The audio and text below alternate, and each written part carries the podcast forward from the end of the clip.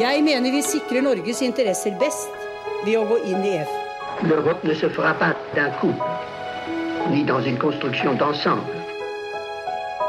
Das beste Mittel, um eine Politik zu treiben, die sich auf Vertrauen gründet. Dette er ikke noe vanlig samarbeid mellom selvstendige nasjoner. Dette er en sterk og dyp integrasjon. No, no,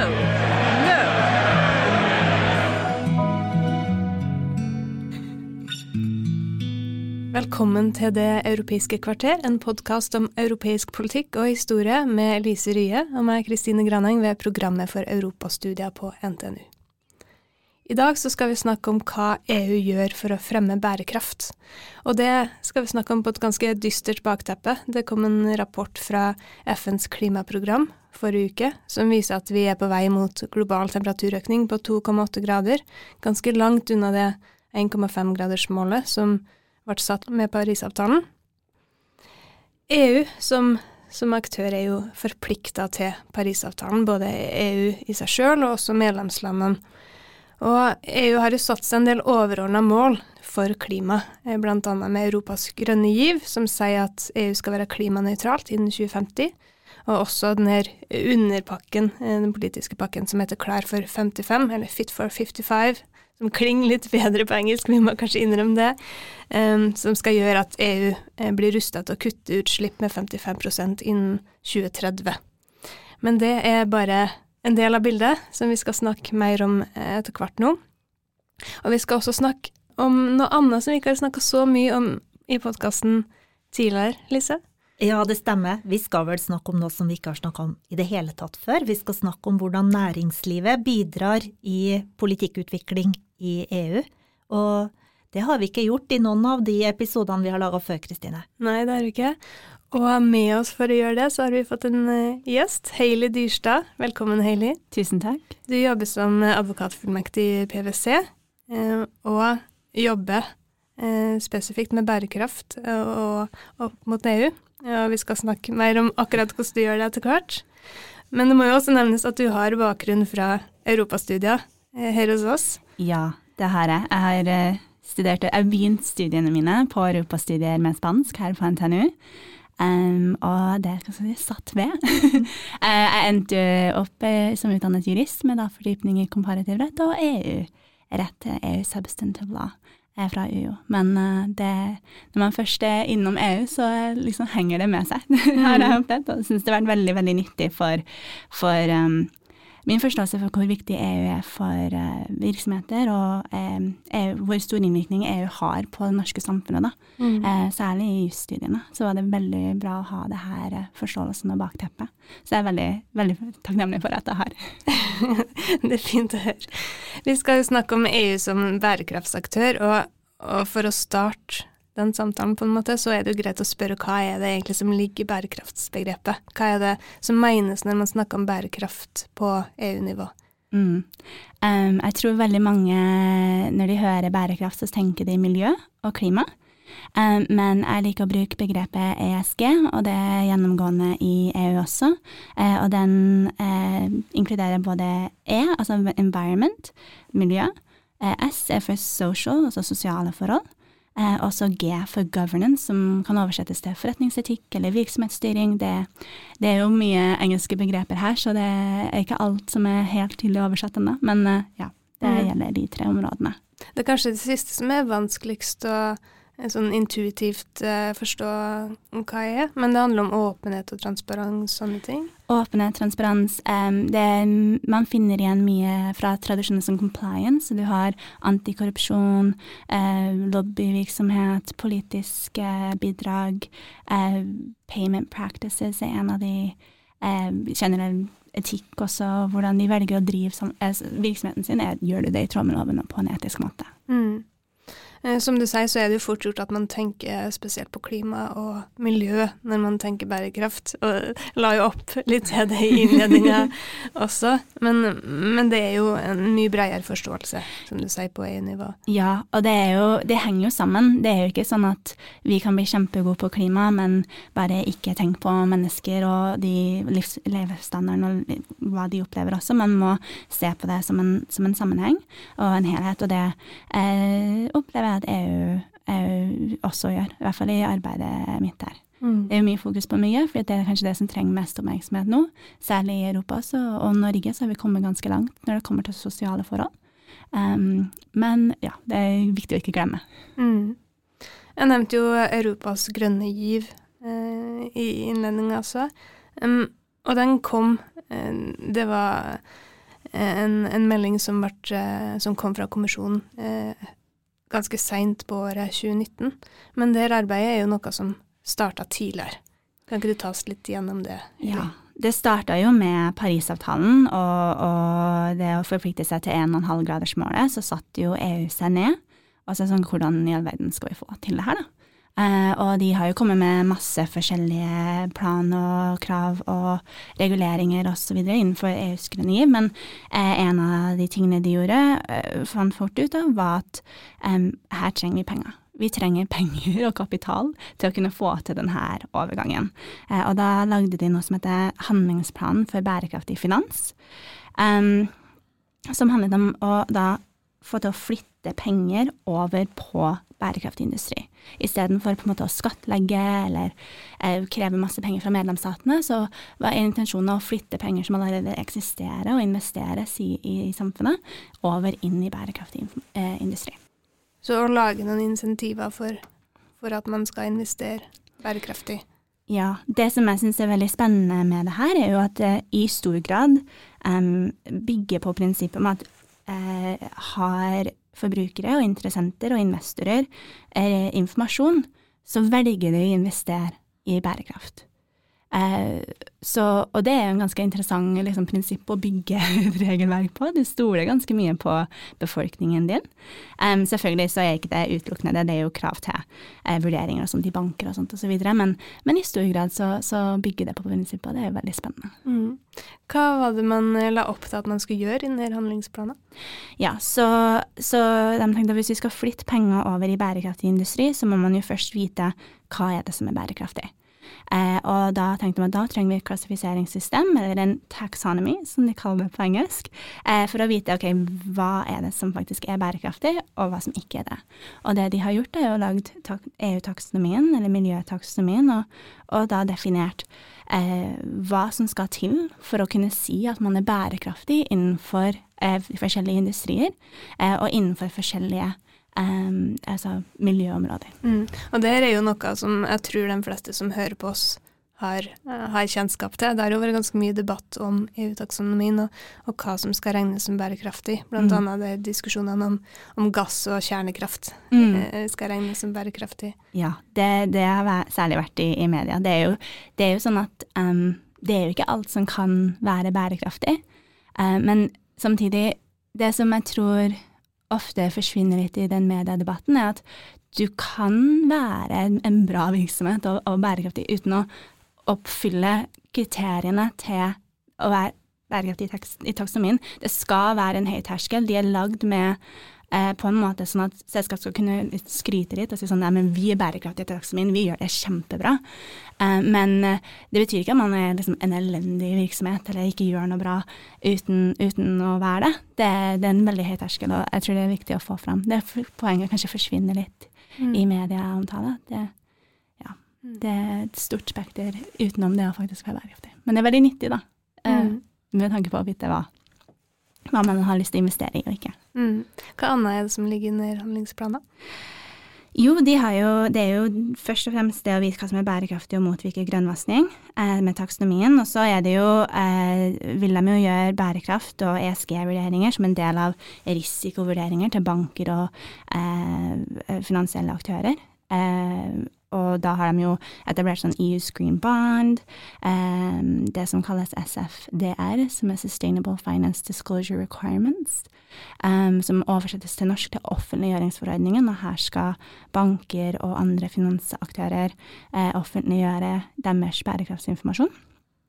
Og så er også, ser de også et økt behov for transparens og sammenlignbar informasjon, og implementere da bærekraftsrapporteringskrav til større virksomheter og børsnoterte virksomheter. Mm. Um, og det kalles oftest bære... I hvert fall på norsk så har vi kalt det uh, bærekraftsrapporteringsdirektivet. På engelsk så er det jo CSRD, Corporate Sustainability Reporting Directive, um, som da kommer inn i, i ja, er at det er vel politisk enighet om det nå, og så blir det implementert eller vedtatt fortløpende. Mm, og det er jo på det her området at du um, du spiller en rolle, hvis vi kan si det sånn. Ja.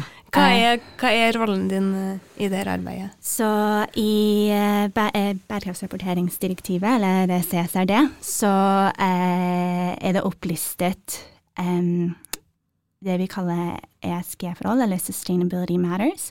Altså et, et, tema, rett og slett, som selskapene må rapportere på. Det kan være biomangfold, forurensning, klimautslipp. Um, det er nevnt forskjellige eh, menneskerettighetslover osv. Men det er fortsatt litt overordnet. Så eh, det man har bestemt, er å utvikle standarder eh, sånn at virksomheter kan, ha noe å forholde seg til og får rapportert lignende informasjon, eh, sånn at man kan sammenligne dem. Og jeg er med da å utvikle og utforme de her standardene. De kalles uh, European Sustainability Reporting Standards, eller ESRS. Uh, vi er glad i forkortelser. um, og ja, så jeg er med å uh, utforme de standardene i, i ja, Mm. Det er det jeg gjør. og, og, hvordan var det du havna, havna der? Um, så jeg jobber som nevnt som advokatformektig for PwC, eh, og eh, for ca. et år siden, så, så, eller litt over et år siden, så utlyste FRAG et ønske om hjelp til å Eller du kunne sende en søknad hvis man var interessert i å jobbe med utvikling av de her standardene. Eh, og PwC ønsket å sende meg, så vi sendte en søknad, og, og jeg ble valgt til å være med som en del av eh, det de kalte Project Task Force det, og da en, en, del av sekretariatet deres. da. Ja. Og, og, det her, Lise, det forteller jo oss en del om hvordan EU fungerer som system også. Ja, det gjør det, gjør det ikke det? Det, det forteller oss ganske mye, syns jeg, om hvordan politikk i EU blir til, og at det er et ganske stort apparat. Og da tenker jeg at det er jo greit å ha i bakhodet at EU sjøl, for det første, ikke har et veldig stort budsjett. EU har et budsjett som utgjør mindre enn 1% av bruttonasjonalproduktet til medlemsstatene. Uh, ja, det, og det gir et budsjett på størrelse med statsbudsjettet til Danmark. Men EU skal jo da serve 450 millioner mennesker.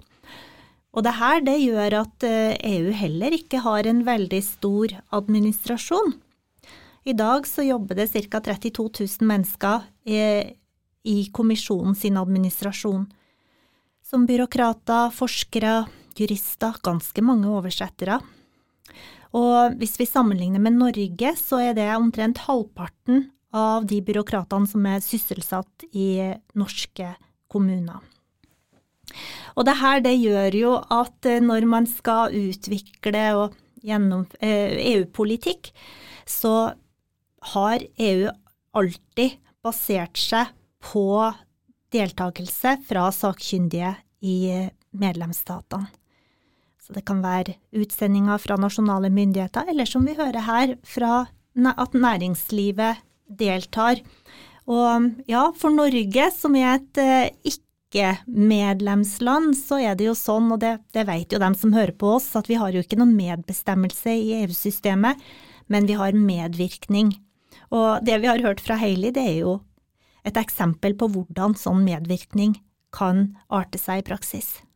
Mm, for det er jo fordi eh, PwC eh, Norge, eller det er fordi eh, man er basert i Norge som er et EØS-land, at man har mulighet til å være med å påvirke i de her prosessene, ikke sant?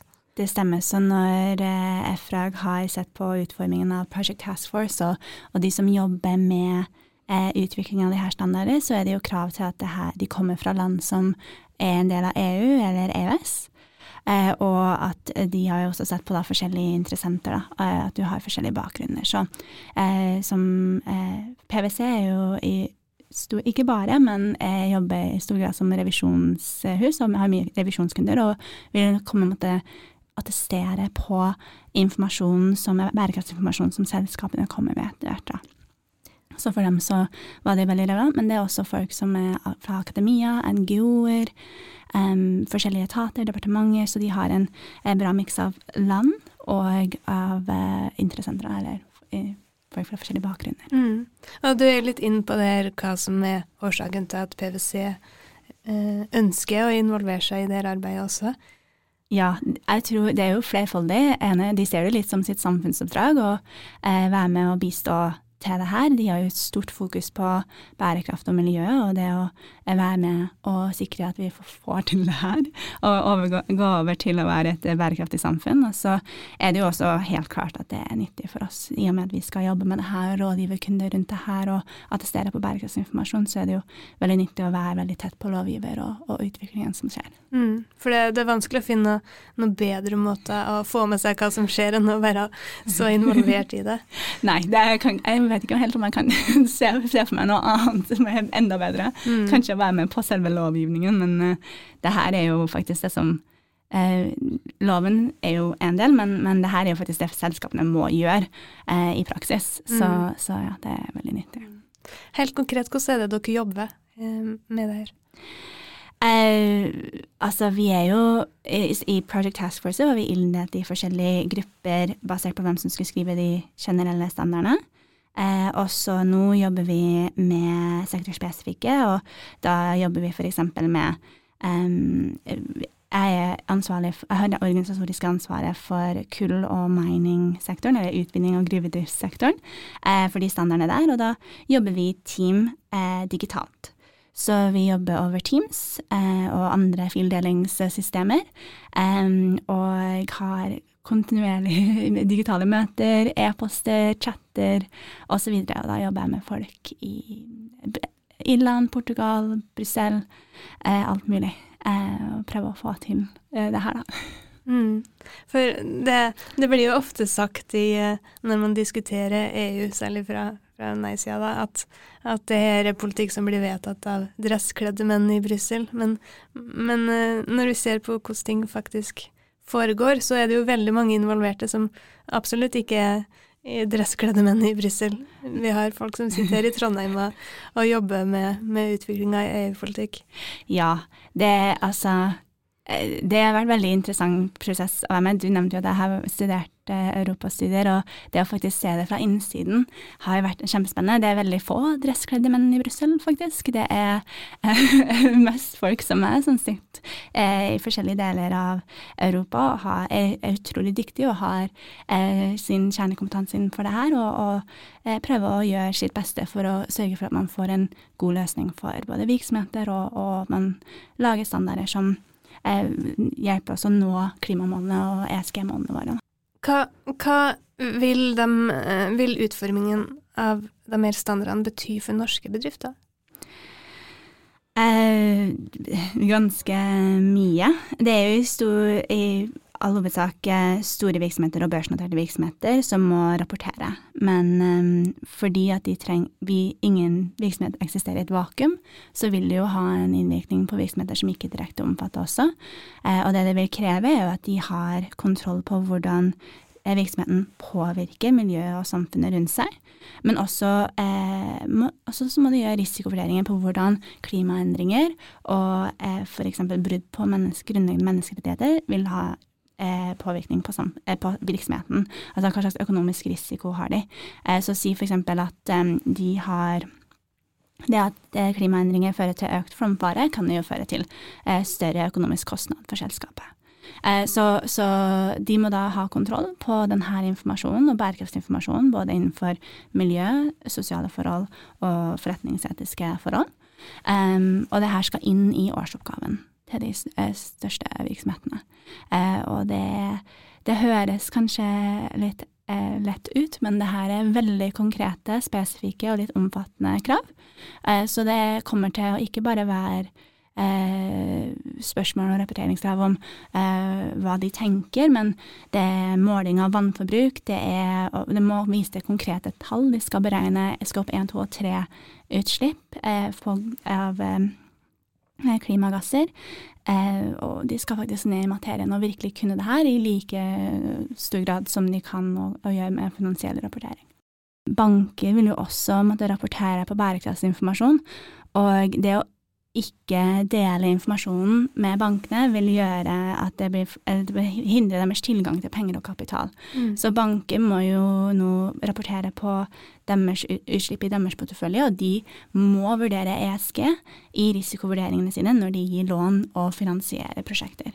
Så det er jo ikke bare det at de har rapporteringskrav, men det også vil påvirke deres tilgang til penger og kapital. Hvordan er det i dag? Hva er det man rapporterer på?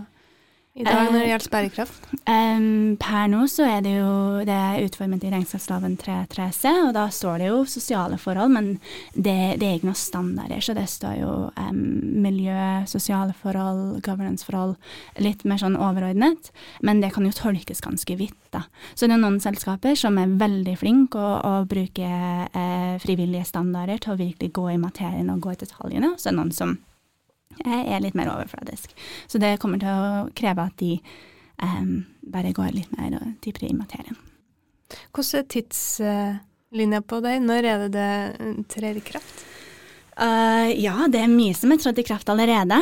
Um, så Taksonomien og offentliggjøringsforordningen er allerede trådt i kraft i EU. Man venter på noen tekniske kriterier som de kommer til nyttår, eh, for å være liksom fullstendig, fullstendig ferdig, men, men, det er på god vei. Eh, og når det kommer til bærekraftsrapporteringsdirektivet, eller CSRD, så eh, er det politisk enighet i EU, men det er ikke vedtatt ennå. Um, I Norge så har Stortinget vedtatt uh, loven om bærekraftig finans, som implementerer offentliggjøringsforordningen og taksonomiforordningen. Uh, men vi fikk vel beskjed forrige uke om at uh, faktisk krafttredelse er utsatt til over nyttår. Mm. Så vi henger litt etter i Norge, men det kommer. Det her er jo først og fremst noe som gjelder for store bedrifter, ikke sant. Mm. Um, men er det her også noe man kommer til å merke som forbruker? Ja, det håper jeg jo. Det er jo, som vi snakket om litt tidligere, at det bygger litt på prinsippet om at forbrukere og investorer ønsker å eh, være bærekraftige og flytte pengene sine over i bærekraftig industri.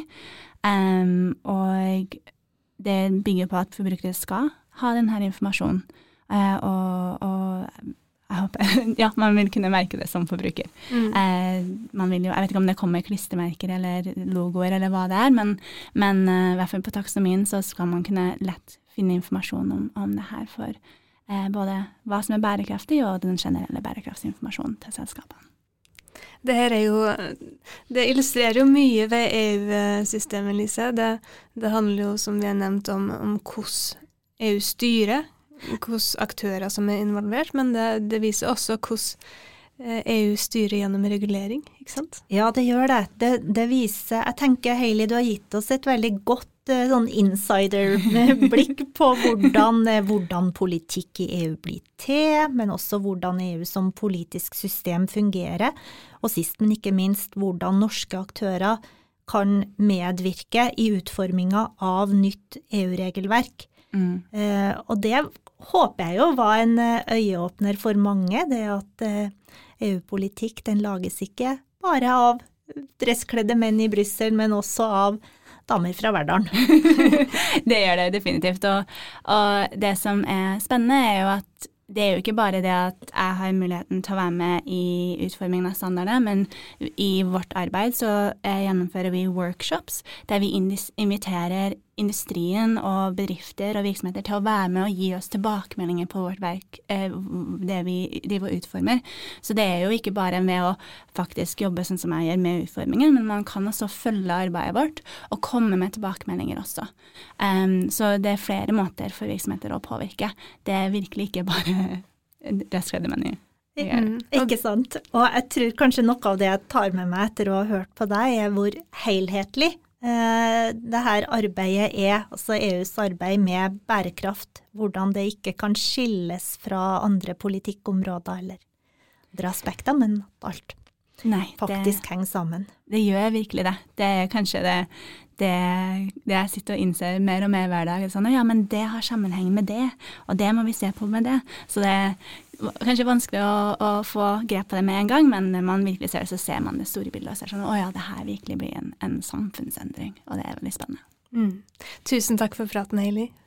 Takk for at jeg fikk komme.